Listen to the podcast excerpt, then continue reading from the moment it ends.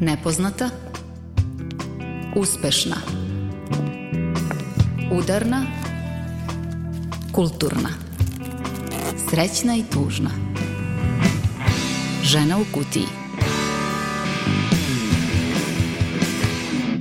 januaru smo 2022. godine. Priznajte da se ni vi još niste navikli na tu novu godinu i nije mi baš lako ni da izgovorim.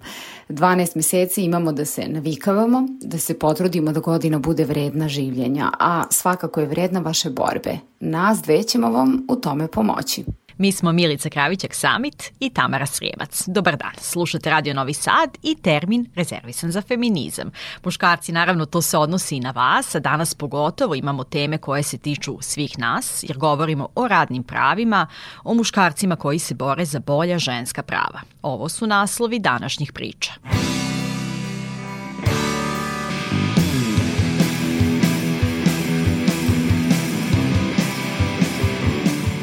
Kakva je situacija u sindikatima kada je reč o članicama? Koliko ih je? Koliko su angažovane i koje su specifičnosti ženskih radnih prava? Istraživala je organizacija Femplac, a žena u kutiji predstavlja rezultate. Ne posmatraj, reaguj. Odluka je muškaraca koji su stali uz žene u borbi za pravednije društvo. Milor Đajić je feminista, aktivista za ženska prava u toj muškoj inicijativi i naš sagovornik. SOS ženski centri u Srbiji su možda i najvažniji stubovi za zaštitu žena ili za pružanje prve pomoći. Zato je bilo zanimljivo da saznamo kako rade telefonske linije za pomoć žrtvama nasilja u Ljubljani. O tome Tamara Zablocki. Udarna žena u kutiji. Organizacija FEMPLAC je tokom prošle godine predstavila istraživanje položaj žena u sindikatima u Srbiji, koje je realizovano uz podršku misije OEPS-a u Srbiji. Takođe objavljena je nova publikacija na istu temu sa istim nazivom, a čije su autorke doktorka Kosana Beker i doktorka Vida Vilić. U publikaciji su predstavljeni nalazi istraživanja koje je FEMPLAC proveo od 2020. godine. U istraživanju učestvovalo 245 članica i bivših članica sindikata, a u fokusu su bila četiri najveća sindikata u Srbiji. Nezavisnost, Sloga, Save samostalnih sindikata Srbije i Asocijacija slobodnih i nezavisnih sindikata Srbije. Kako se sindikati bave položajem žena i rodnom ravnopravnošću, to je bilo u fokusu istraživanja. Objašnjava za ženu u kutiji jedna od dve autorke, Kosana Beker. S obzirom na to da je istraživanje sprovedeno u vreme epidemije, izostao je terenski rad, pa verovatno uzorak nije reprezentativan koliko bi bio u redovnim okolnostima. Ipak istraživanje je više nego značajno i relevantno, naročito zato što slična ne postoje u Srbiji. To je važna tema, ali praktično skrajnuta i već sam broj žena žena koji se odazvao na učešću u istraživanju govori mnogo o temi, kaže Kosana Bekir. Mislim, ja sad neću sad imenovati ovaj sindikat više, ovaj manje, ali u principu, kad sagledamo, nije, nije tema, nije bila toliko atraktivna ovaj sindikatima, što je nas prilično ražalostilo.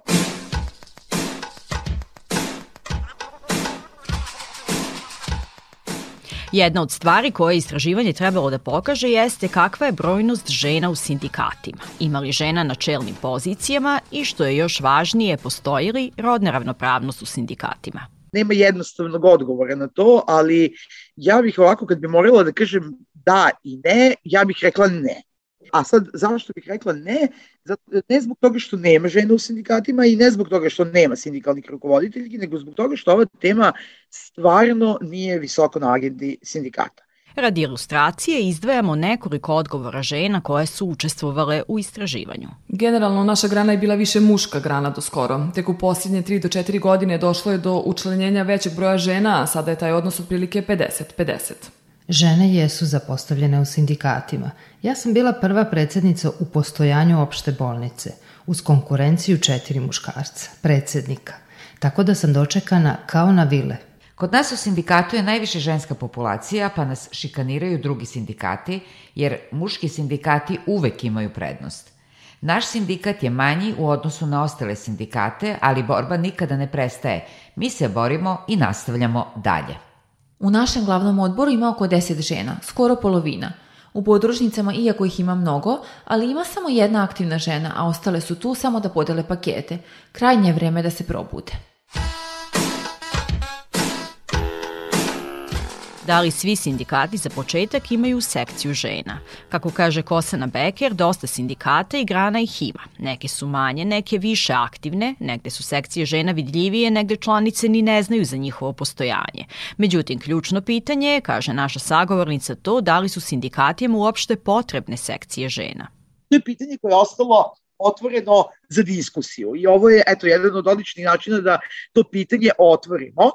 Da li bismo mi volili da vidimo više sekcija žena koje će se baviti samo tim stvarima ili bismo volili da vidimo da se sindikat ozbiljno bavi pitanjima koje muče i žene ili žene specifično. Kada smo pitali čime se bave sekcije žena, žene su nam rekle da jedna od stvari je bilo ono kao 8. marta, pa razne neki do, ono događaji koji, mislim, ne mislim na poklon, ne 8. martovski, nego razne događaje, obeležavanja, sve ostalo je bilo tipa obezbeđivanje sredstava za fond solidarnosti, razne takve, takve stvari koje naravno jesu važne, ali nisu suština toga što bi trebalo da bude ovaj, da, da vam se obezbedi da su vam radna prava poštovana. Kada je reč o razlozima za članstvo u sindikatu, dosta žena koje su učestvovale u istraživanju vide sindikat kao mesto u kojem će se boriti za radna prava.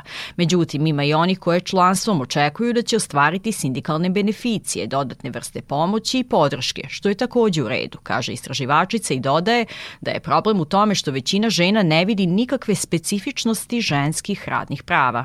Imali smo dosta žena u uzorku koje kažu u Srbiji se generalno ne, kao ne puštaju radna prava i sad sindikati na tome treba više da rade, na primjer, ali ne vide da su ženska radna prava ugroženija. Druga stvar, žene sa kojima smo ono imali priliku i da razgovaramo i koje su učestvovale u istraživanju, ne poznaju dobro razliku između različitih povreda prava diskriminacija i mobbing, na primjer što su vrlo dve odvojene stvari. Žene su izložene jednom i drugom. Jako utiče na vaše radna prava kada vi recimo ne znate da određenu stvar koja je loša, koja vam se dešava na poslu, da kad ne znate da je prepoznate i imenujete onako kako se to zove, zato što od toga vam zavisi kakav ćete eventualno postupak pokrenuti. Aktivistkinja organizacije FemPlac za ženu u kutiji pojašnjava tu razliku za diskriminaciju je potrebno da vas neko, znači, tretira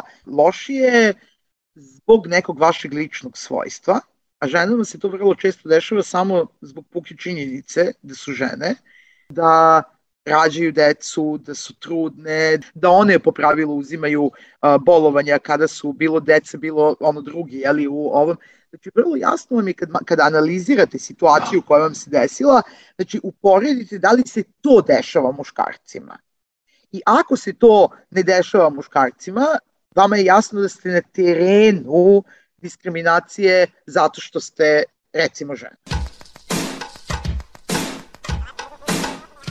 Ima tu naravno i raznih kombinacija, mislim ima posebnih stvari koje se dešavaju starijim ženama na tržištu rada, ima posebnih stvari koje se dešavaju mladim ženama na tržištu rada, ali ovo vam je, znači, ovo vam je ključno da vidite zašto vam se to dešava.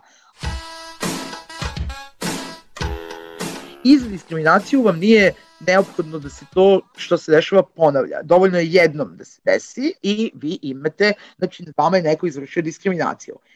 Za mobbing vam nema na taj način, nema, znači nije vam zasnovan na vašem ličnom svojstvu. To vam je situacija u kojoj, recimo, evo ovako, radimo mi sad na istom mestu, ima nas desetak i sad kasnimo ujutro na posao i nas nekoliko kasni ujutro na posao, a šef ili šefica jednu osobu. Zbog toga, na primjer, kažnjava. To može da bude zato što ima prosto lični animozitet nekim prema nama. Znači, nije, nije povezano sa tim ja sam žena, zato što se prema drugim ženama ponaša u redu, nije povezano sa tim ja ne znam, imam neki invaliditet, zato što se tamo prema nekoj drugoj osobi s invaliditetom ponaša skroz ok, Dakle, neke situacije koje prosto možete da opišete kao animozitet i kao neslaganja i to se nekada inače u nekim ono, našim prethodnim državama i u nekom prethodnom vremenu zvalo šikana. Ali je za mobbing važno da po našem zakonu mobbing mora da se ponavlja. A žene to ne znaju, pokazuje istraživanje. I to ne samo članice sindikata, nego žene uopšte. Neznanje i neinformisanost je prisutna i kada je reč o seksualnom uznemiravanju na poslu. I upravo jedino u slučaju seksualnog uznemiravanja imamo na delu i diskriminaciju i mobbing u isto vreme. Koliko se to prepoznaje kao sindikalno pitanje i koliko su ga radnice svesne. Ono što je problem je da se određene forme seksualnog uznemiravanja ne prepoznaju kao seksualno uznemiravanje. Znači da i dalje ima radnih sredina u kojima nije ništa neuobičajeno, da vam neko tako komentariše kako izgledate, da vam upućuje razne tako neke ideje i predloge i tako dalje i da se to da to zavisi od vaše u stvari senzibiliteta i od toga da li vi to smatrate kao ono prikladno ili ne. Drugi nivo problema je taj da e, ima žena koje takve stvari prepoznaju, ali trpe zbog straha od toga da će eventualno izgubiti posao ili da će tamo imati neke posledice. A treća stvar je da ja mislim da je ona u stvari ključna, da nema mnogo aktivnosti sindikalnih koji su u tom pravcu prosto usmerene. Jasno je da sindikati u ovakvim turbulentnim vremenima, u ovakvom siromaštvu, u ovakvom prosto ono problemima koje se dešavaju na radu, da imaju neke druge stvari koje, koje su im u fokusu, ali nama se nekako čini da je ovo istraživanje pokazalo da bi trebalo da se ove teme otvaraju u sindikatu i da bi trebalo da uh, postoji određena podrška za članice koje to preživljavaju. U svetu su, na primjer, sindikati otišli korak dalje, pa osim što se tema seksualnog uznemiravanja prepoznaje kao sindikalno pitanje, obezbeđena i podrška ženama koje su žrtve porodičnog nasilja. Na primjer, sindikati u Sjedinjenim američkim državama već decenijama se bore protiv nasilja u porodici, što stvarno nije sindikalna stvar, ali se polazi od toga da sve što se tiče života njihovih radnica odražava se i na posao, objašnjava Kosana Bekir.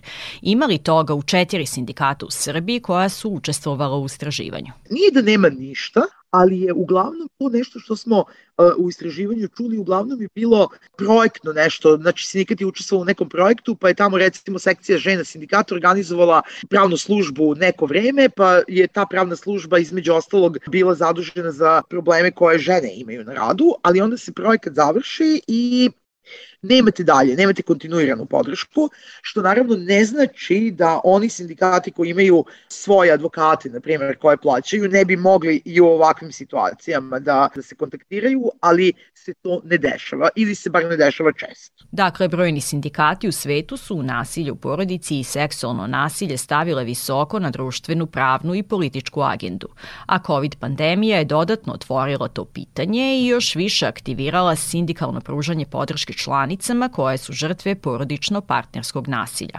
Pružali su finansijsku, logističku, pravnu podršku, a sve to može biti dobar osnov za analizu kako sindikati u različitim delovima sveta doživljavaju svoju ulogu ističe naša sagovornica. Postoji li takva podrška u sindikatima u Srbiji? To je bilo jedna od stvari koje smo pitali, mi nismo uspeli da nađemo ni jedan kao primer dobre prakse, sad recimo tokom pandemije, na primer, pa da je uh, da se da je sindikat u, to, u tom smislu znači prema ovaj uh, izašao uh, iz okvira svojih mislim to nije nije kako kažem nije sad kritika na rad sindikata verovatno to zavisi od toga ko sedi u sindikatu, čime se bave, koliko imaju sredstava na raspolaganju, a situacija sve u svemu svakako nije sjajna. Neke od ispitanica u istraživanju FEM placa o ovim temama su rekle – Morate da objasnite ženi da seksualno uznemiravanje nije samo sam seksualni čin, već mnogo toga. Neke žene ne umeju da prepoznaju koliko su uznemiravane i diskriminisane i muškarci moraju o tome da se edukuju. Koleginica, pomoćna kuvarica, bila je žrtva porodičnog nasilja. Iskakala je kroz prozor da bi išla na posao. Koleginice su znale, pokrivala je kad zakasni ili su je menjale da ne iznosi hranu kad je bila modra. One su smatrale da joj tako pomažu, sve dok je muž nije ubio. Ja sam tada čula da je imala problem. Niko zvanično nije znao da ona ima problem.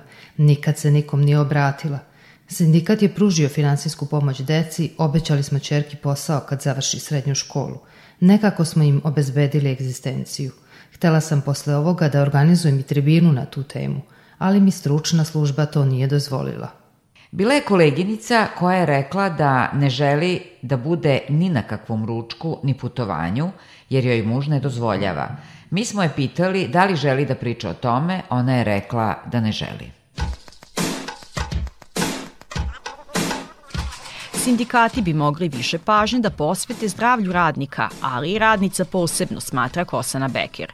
To je još jedna stvar koja nije primarna uloga sindikata, ali je i tekako poželjna. Mislim, znamo svi kakva je, kakva je situacija u zdravstvu, a pritom je ona do te mere pogoršana sad u poslednje dve godine, mislim nije pogoršana krivicom, jeli, zdravstvenih ono, radnika i radnica, pogoršana je prosto covidom, tako da bilo bi dobro da, da se nekako ono organizuje i da uopšte je problem u ovoj državi prevencija kada smo, kada smo kod zdravstvenog stanja, tako da to se podjednako naravno odnosi i na, na sindikate i na njihove ove, zaposlene. Dobra stvar je to što su sindikati u Srbiji kao svoju ulogu videli zaštitu radno-pravnog statusa žene dok se nalazi na trudničkom, porodijskom odsustvu i odsustvu sa rada radi nege deteta. To je jedna od stvari u kojoj su sindikati stvarno vrlo ozbiljno učestvovali. To je čitava saga jeli, koja traje deseta godina unazad, koja je dovela do toga da sada imamo zakone po kojima je ipak mnogo bolje garantovano ženama, ne mogu da ih otpuštaju kad su trudne, iako kao ni pre toga to baš nije smelo, ali su se pronalazili načini da se to uradi.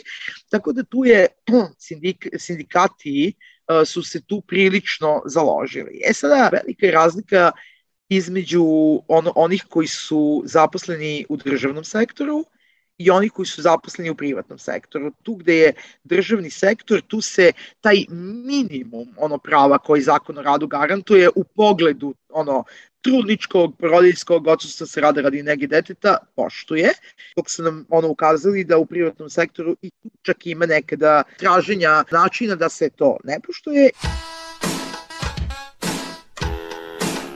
To nije e, rezultat našeg istraživanja, ali bih iskoristila ovaj priliku da kažem da ono što se ženama u stvari dešava, znači da kada vam poštuju pravo da možete da odete na ovaj normalno da koristite svoje odsustvo sa rada radi negi deteta, da se ženama desi da se vrate na posao, one budu raspoređene na niže radna mesta.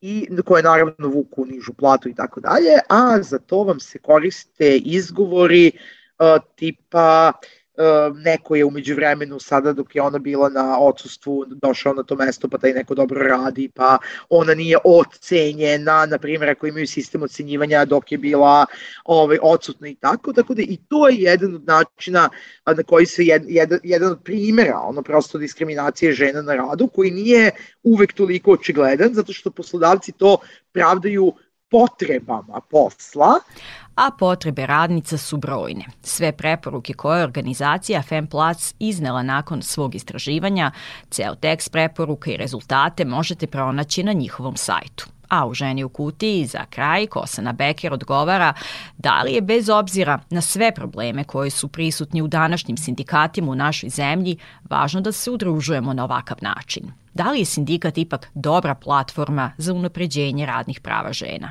O da, ja mislim da je e, sindikat, iako on kod nas sada nije, kažem, nije, nije u sjajnom položaju, da kažem, opšte ono sindikati, ali mislim da je to jedna odlična platforma i da bi tu znači, imalo ovaj, imalo mesta da se na mnogo ozbiljnijem nivou radi na ove, zaštiti radnih prava, a posebno radnih prava žena, pošto smo se mi na to fokusirale.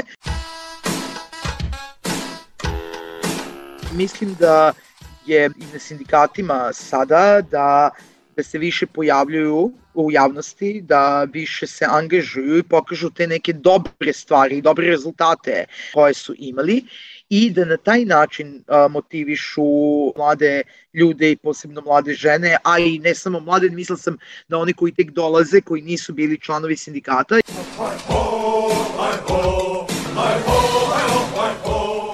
Imali smo dosta njih u uzorku koji su recimo E, kao zašto ste se učlanili u sindikat, na to pitanje ovaj, odgovarali, recimo jedna od opcija je bila zato što se to podrazumevalo, kao kad sam počela da radim, a sad se više ne podrazumeva.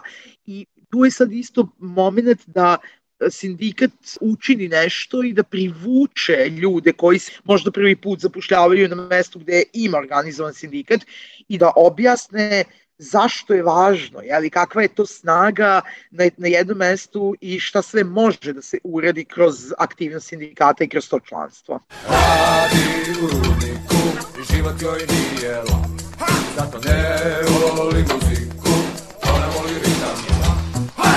Kroz muziku u emisiji preslušavamo novitete. Zastali smo na četvrtom singlu s albuma Noeva Varka, koji potpisuju udruženi Nancy, Marcello i Šljuka. Fernweh je nemačka reč koja predstavlja osjećanje suprotno nostalgiji za domom. E, iako sam uglavnom sa Marčelom saglasna, malo me sad više dotiče nostalgija nego ovo osjećanje suprotno tom, ali da mi ipak čujemo šta pesmom Fernweh želi da poruči.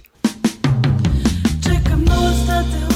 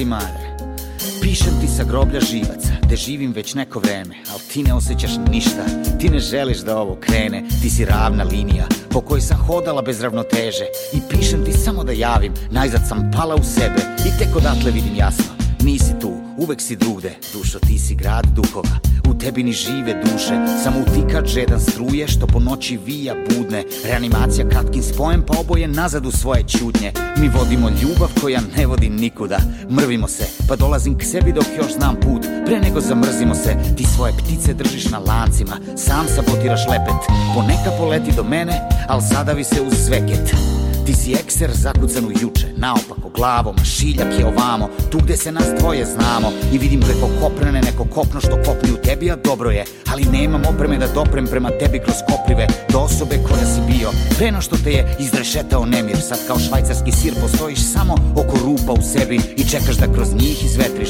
a ja razmišljam o vezi, o deci, o tome kako bi bilo zapravo biti s nekim. Ti si uvek u daljinama, uvek tim očima begunca Zagledan kroz ljude u glečere U stvari iza sunca Ti si misao kamen. Izazoveš glavobolju kad padneš na pamet. Pepeo što samo prosut po postelji Oživi u plamen. Ali noćas Kada kolosalna samoća nadmoća me Možda ti ponovo dođem da trampimo očaje Mada znam da ne vredi. Jer mi i ova priča imamo saobraćaj pesme Koju god strofu da povezem Slupam se o isti refren. To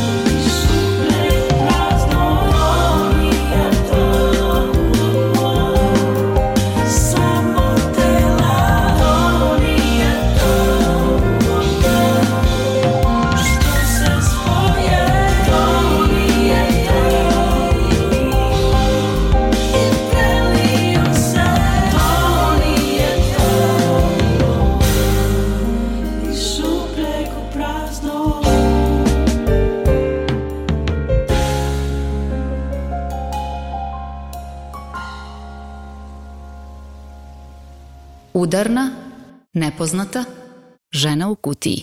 Nasilje u porodici, rodno zasnovano nasilje, prisutno je u svakoj zajednici. Samo ne pristupaju svi na isti način rešenju i iskorenjavanju tog fenomena. SOS ženski centri nama su jako važne organizacije i žene koje u njima rade neretko su nimalo ili premalo plaćene, emotivno iscrpljene i o tome smo već govorile u emisiji.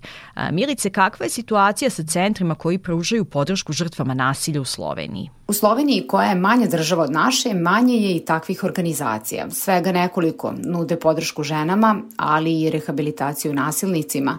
Postoje sigurne kuće, kao i kod nas, koje nude zaštitu i smešte žrtvama, tu je i Caritas i jedini koji pružaju SOS telefonsku pomoć, zovu se društvo SOS telefon za žene i decu žrtve nasilja u Ljubljani i postoje oko 37 godina. Oni su vremenom, pored SOS linije, razvili i druge programe.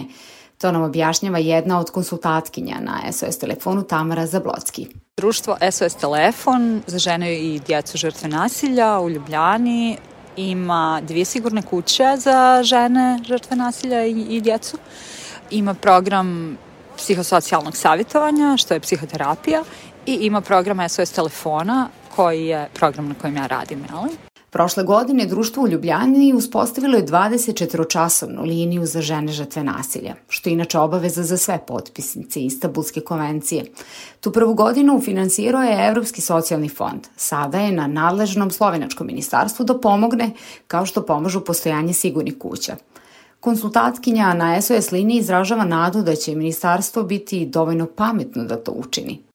Mislim da je zaista bitno uh, da ženama žrtvama nasilja i djeci, naročito to je još specifičnije, uh, pomažu osobe koje, koje razumiju spe, sve specifičnosti toga. Jel?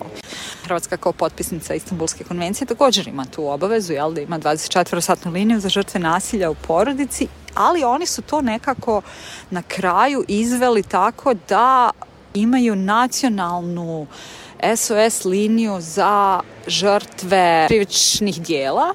Tako da ja kao recimo žrtva psihičkog nasilja koje uh, se još uvijek ponegdje uopšte ne prepoznaje kao nasilje, ću pozvati tu liniju uh, na kojoj radi osoba koja nije uopšte baš stručna za tu problematiku, nego ono zna postupke na policiji, na tužilaštvu, na sudu za sva moguća krivična dijela koja postoje u jednoj državi.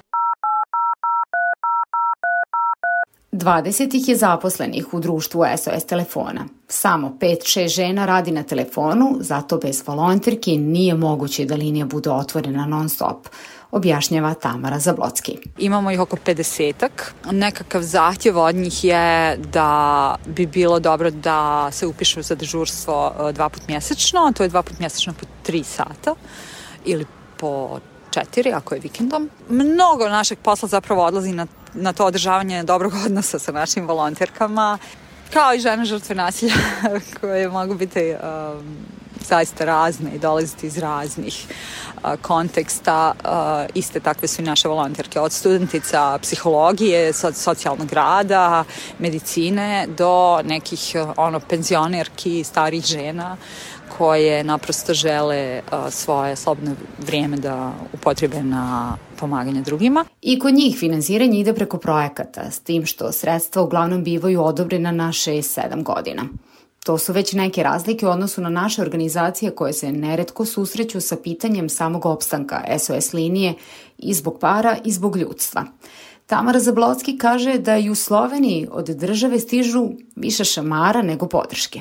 Nije baš tako da se boriš sa državom. Da, mislim da su ženske organizacije zapravo prve u liniji koje se bave uh, pitanjem uopšte, odnosno sprečavanjem nasilja nad ženama. I možda, možda je ovdje uh, nekako ta svijest uh, veća i odgovornost institucija ozbiljnija, jer uh, jer ih se pozove na odgovornost ako nešto ne odrade kako treba. Koliko god se činilo da je Slovenija naprednija po pitanju ljudskih, posebno ženskih prava, svuda izgleda isto pravilo važi. Sve zavisi od pojedinca, kaže konsultantkinja. Ti imaš edukacije za policiju recimo i dok su komandiri, uh, ljudi koji su bili na toj edukaciji u tim određenim policijskim stanicama sve funkcioniše i odgovor na primere nasilja je jako dobar. U onom momentu kad taj isti komandir ode negdje na neku drugu poziciju i ta policijska uh, stanica ostane bez njega, kao idemo i ovo na novo, mislim, znaš, kao promijeni se ono, nije više tako dobro. E, i, I često je tako, znaš, i u centrima za socijalni rad i pa na kraju krajeva i u nevladnim organizacijama, znaš, ono, mi sve znamo tu, tu, te priče, ono, da dođe neka osoba koja bude naprosto štetočina i poništi ono sve dobro što se, što se deš, e, radilo, ne znam, deset godina prije toga. Znači, sve u svemu, činjenica je da nijedno od ovih naših zemalja nema jako dobro rešeno ovo pitanje. Vi nemate sistemski e, iz budžeta podržanu SOS liniju.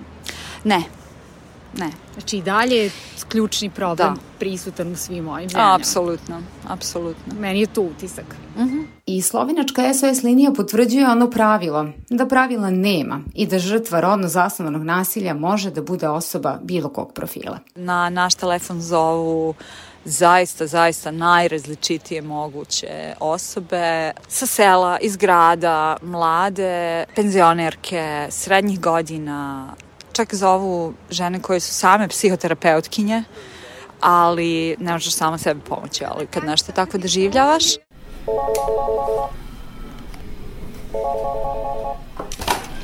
Specifičnosti u Sloveniji postoje, a to je da sa prilivom radnika iz Bosne i Hercegovine i Srbije više i žena koje su ekonomski zavisne i u riziku od nasilja.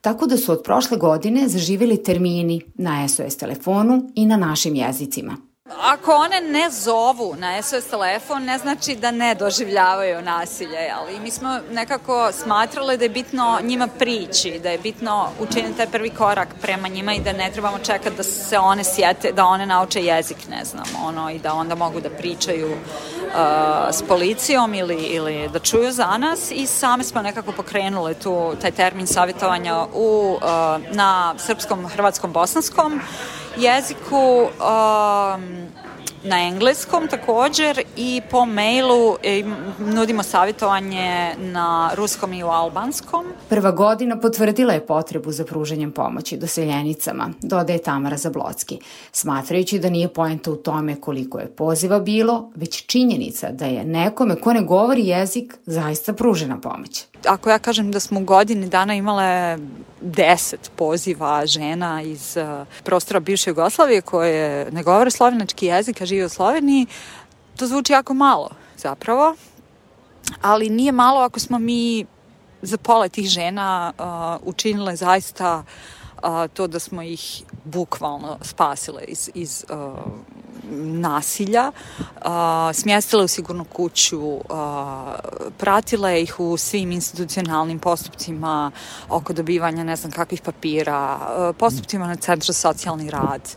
A, da, to je proces koji traje, to nije jedan Da, jedno smo, jedno smo pomagali a, također da dobije nazad svoju djecu koju je otac oteo i odveo ih u, u Bosnu. Tako da, mislim, to su zaista jako teške, jako velike priče.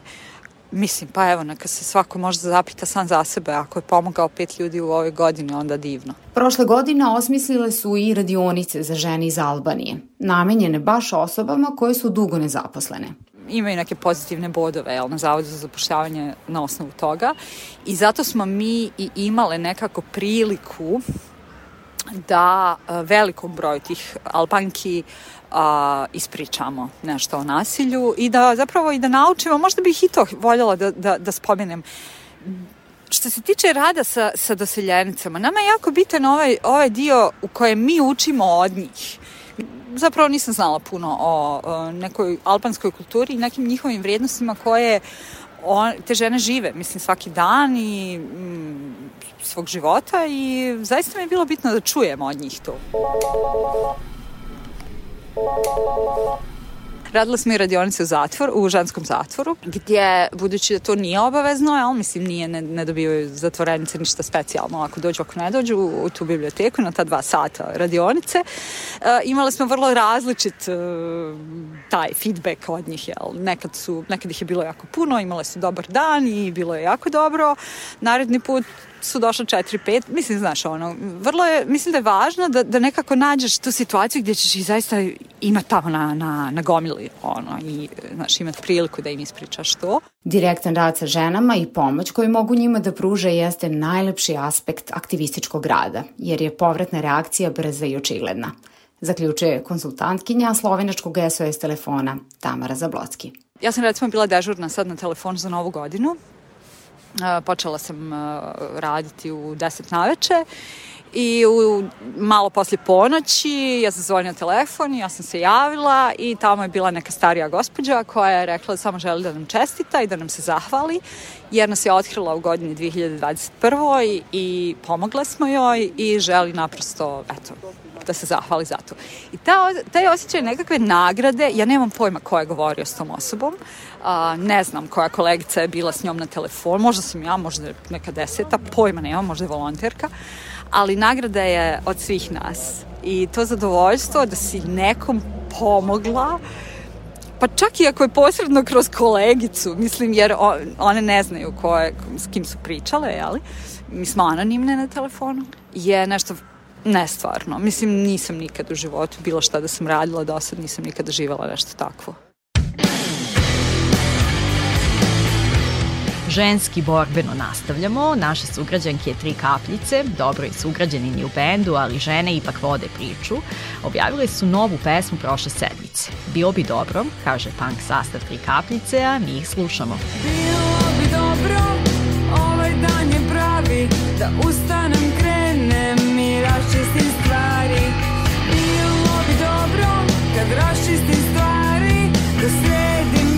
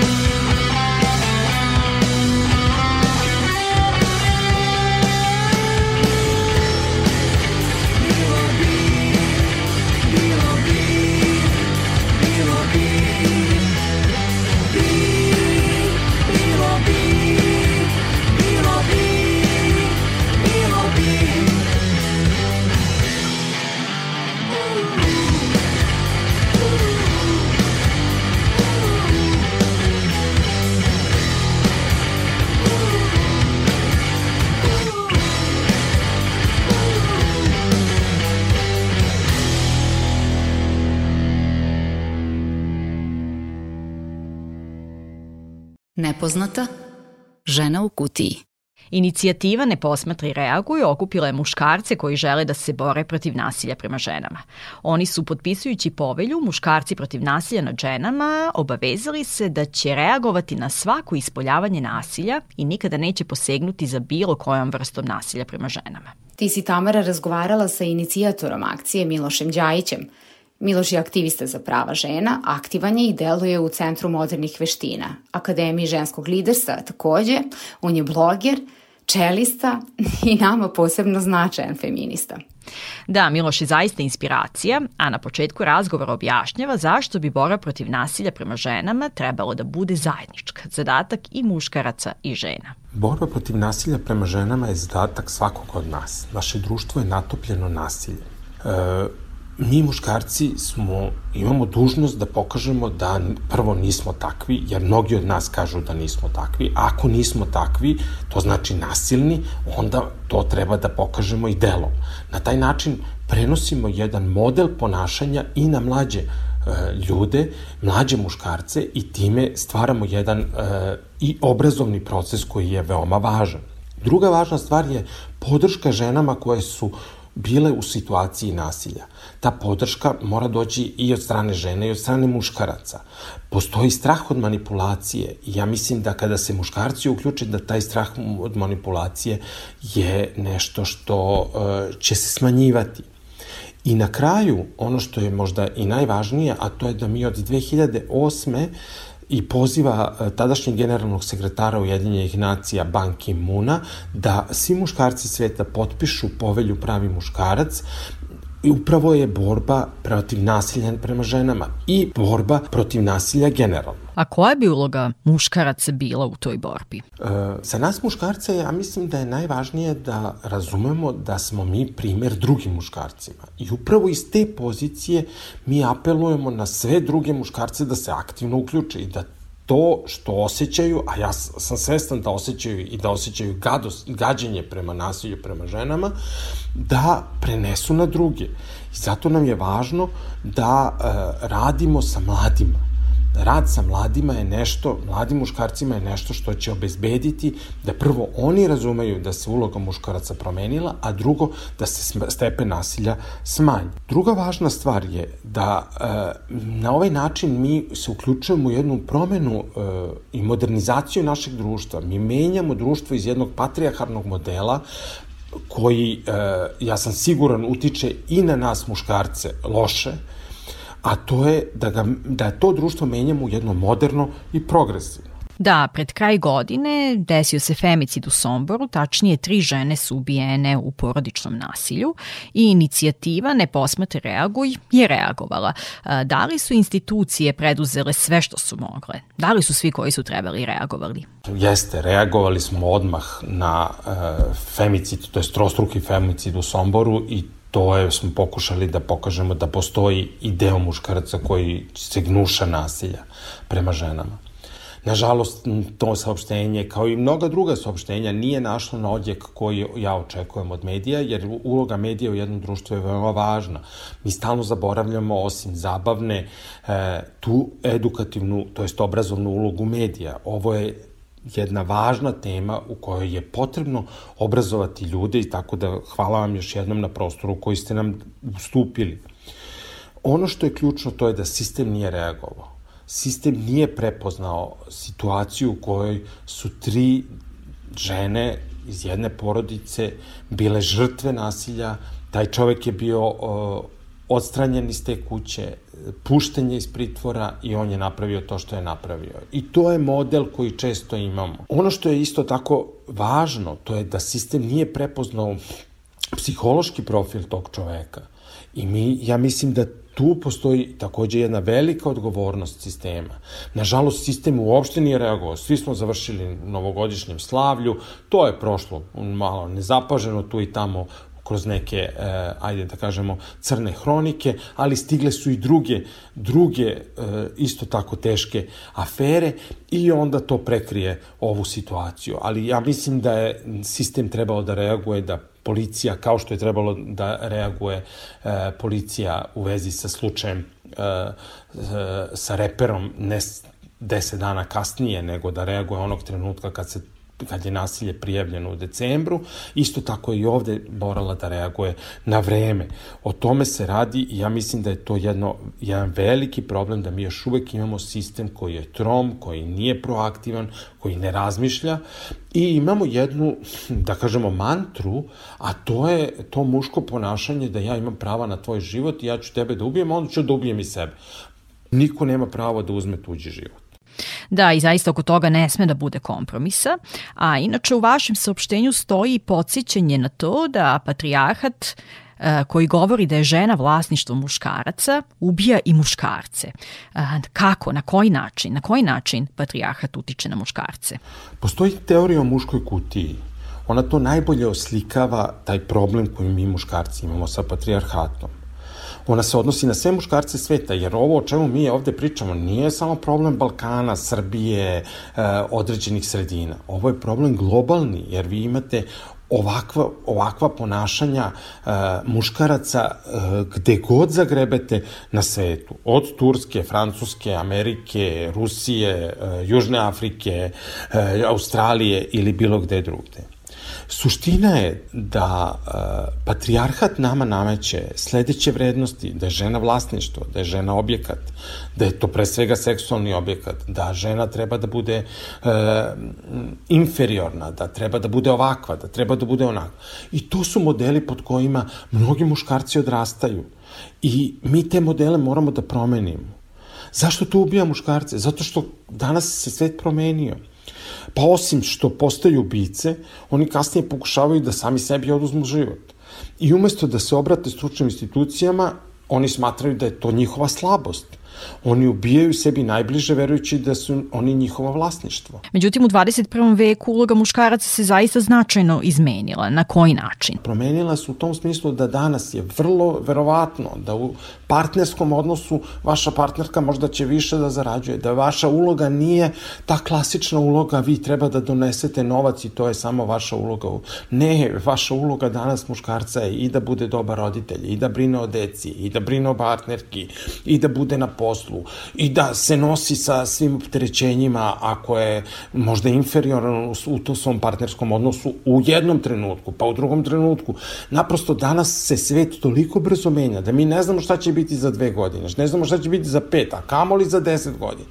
Tako da u tom smislu fleksibilnost promena, ali ako smo mi ograničeni time da muškarac ima ulogu, da njegova mora da se sluša i da on ne sme da pokazuje emocije, on ne sme da plače, on ne sme ovo, on ne sme on, on treba da vrati svakom koga udari, onda mi imamo jedno, jedno društvo u kome je nasilje dobrodošlo. Kako se može taj poredak stvari promeniti? Ključna stvar je obrazovanje.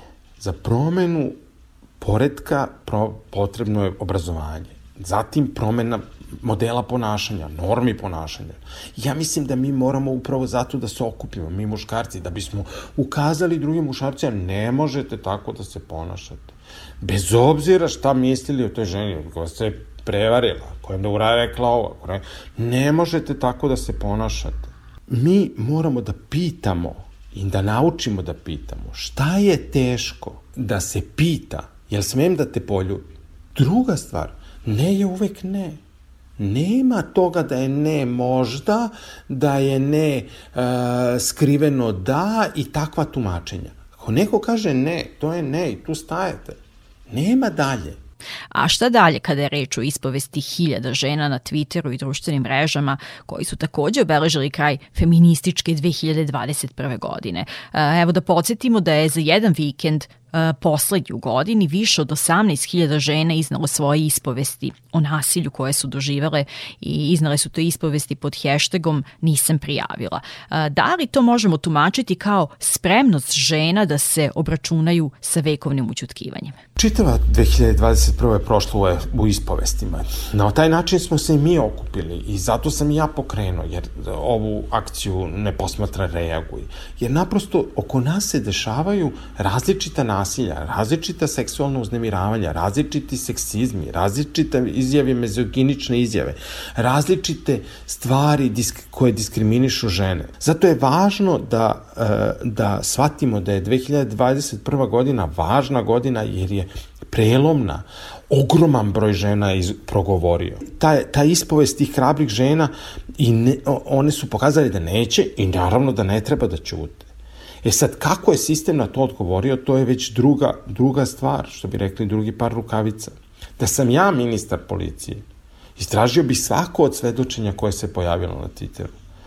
Da sam ja e, osoba koja je, e, ima neku odgovornost, bavio bi se e, e, procesima koji su, evo, zaglavljeni već godinu dana, i Petnica, i e, Milena Radulović, i tako dalje, i tako dalje. Znači, suština je da mi moramo napravimo novu sudsku praksu, da ne sme niko da bude zaštićen zato što je, ne znam, ovo ili ono. Ti procesi su vrlo teški, vrlo traumatični, teško dokazivi i vrlo je važno uključiti sve moguće ekspertize i sve moguće uglove posmatranja, a ne primjenjivati neku, neku, ajde da kažemo, staru dogmu ima dokaza, nema dokaza. U većini slučajeva su to samo reči. Inače, cela 2021. godina je bila, možemo reći, revolucionarna u tom smislu. Vi ste spomenuli slučaj Aleksić, Petnicu, ali tu su i slučaj Palma, osvetnička pornografija, pa na kraju i ta inicijativa i kampanja nisam prijavila o kojoj smo govorili. Koliki je značaj u tome što su žene progovorile? U 2021. žene su uradile svoj deo posla. Skupile su hrabrost, osnažile se, hrabro istupile, našle snagu i da pretrpe kritike i omalovažavanja i relativizaciju nasilja koje su preživeli. I to nije bilo jednostavno, jer atmosfera u društvu je i dalje ne ide njima u korist. I dalje vi imate ljude koji to na pokušavaju da relativizuju, medije koji pokušavaju da relativizuju.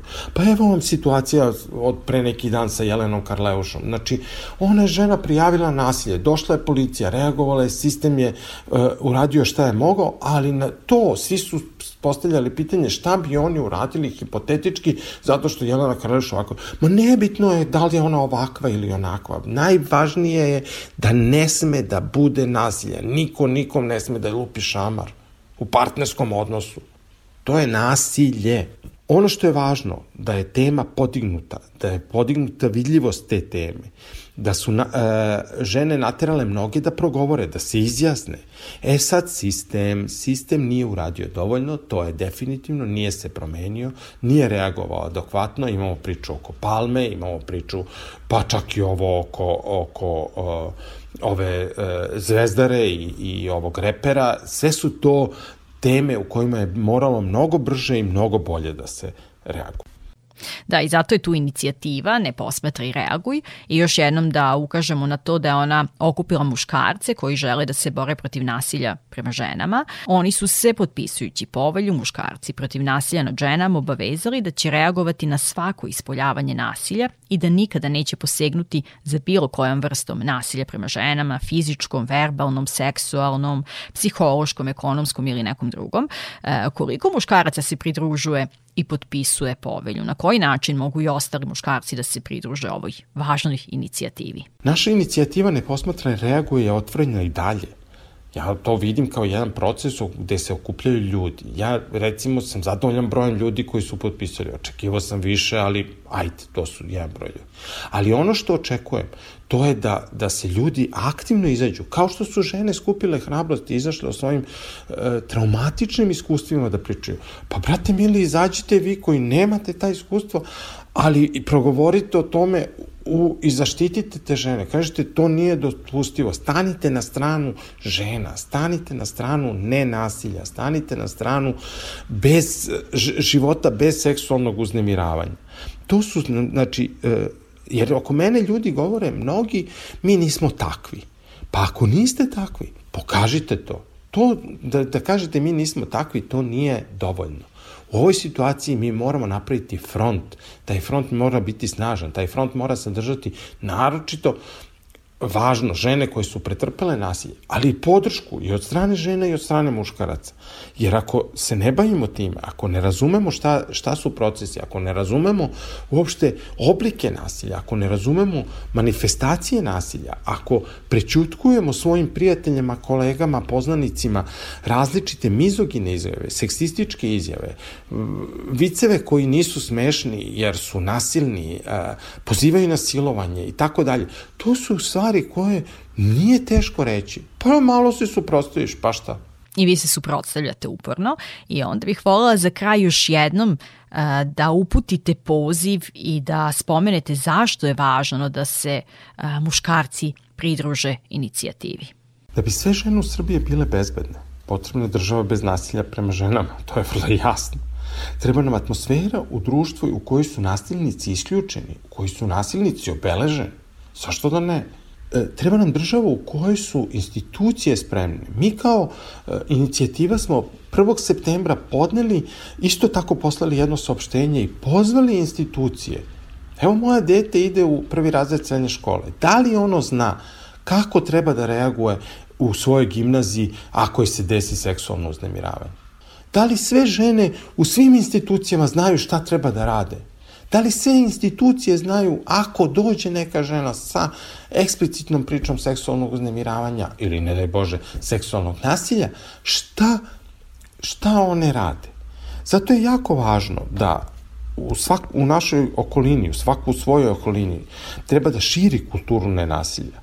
Mi svojim ličnim primjerima treba da dajemo i dečacima, mi moramo da reagujemo na svako seksističko ponašanje, jer mi smo ta generacija muškaraca, ne možemo da čekamo neku drugu, da sad dođe pa će da menja svet. Mi smo ti, nema drugih. Hvala Miloše mnogo na ovim porukama ohrabrenja i podrške. Pratite i vi inicijativu Ne posmatra i reaguj. I da, reagujte uvek na nasilje. Upravo tako. Dakle, za ženu u kutiji govorio Miloš Đajić.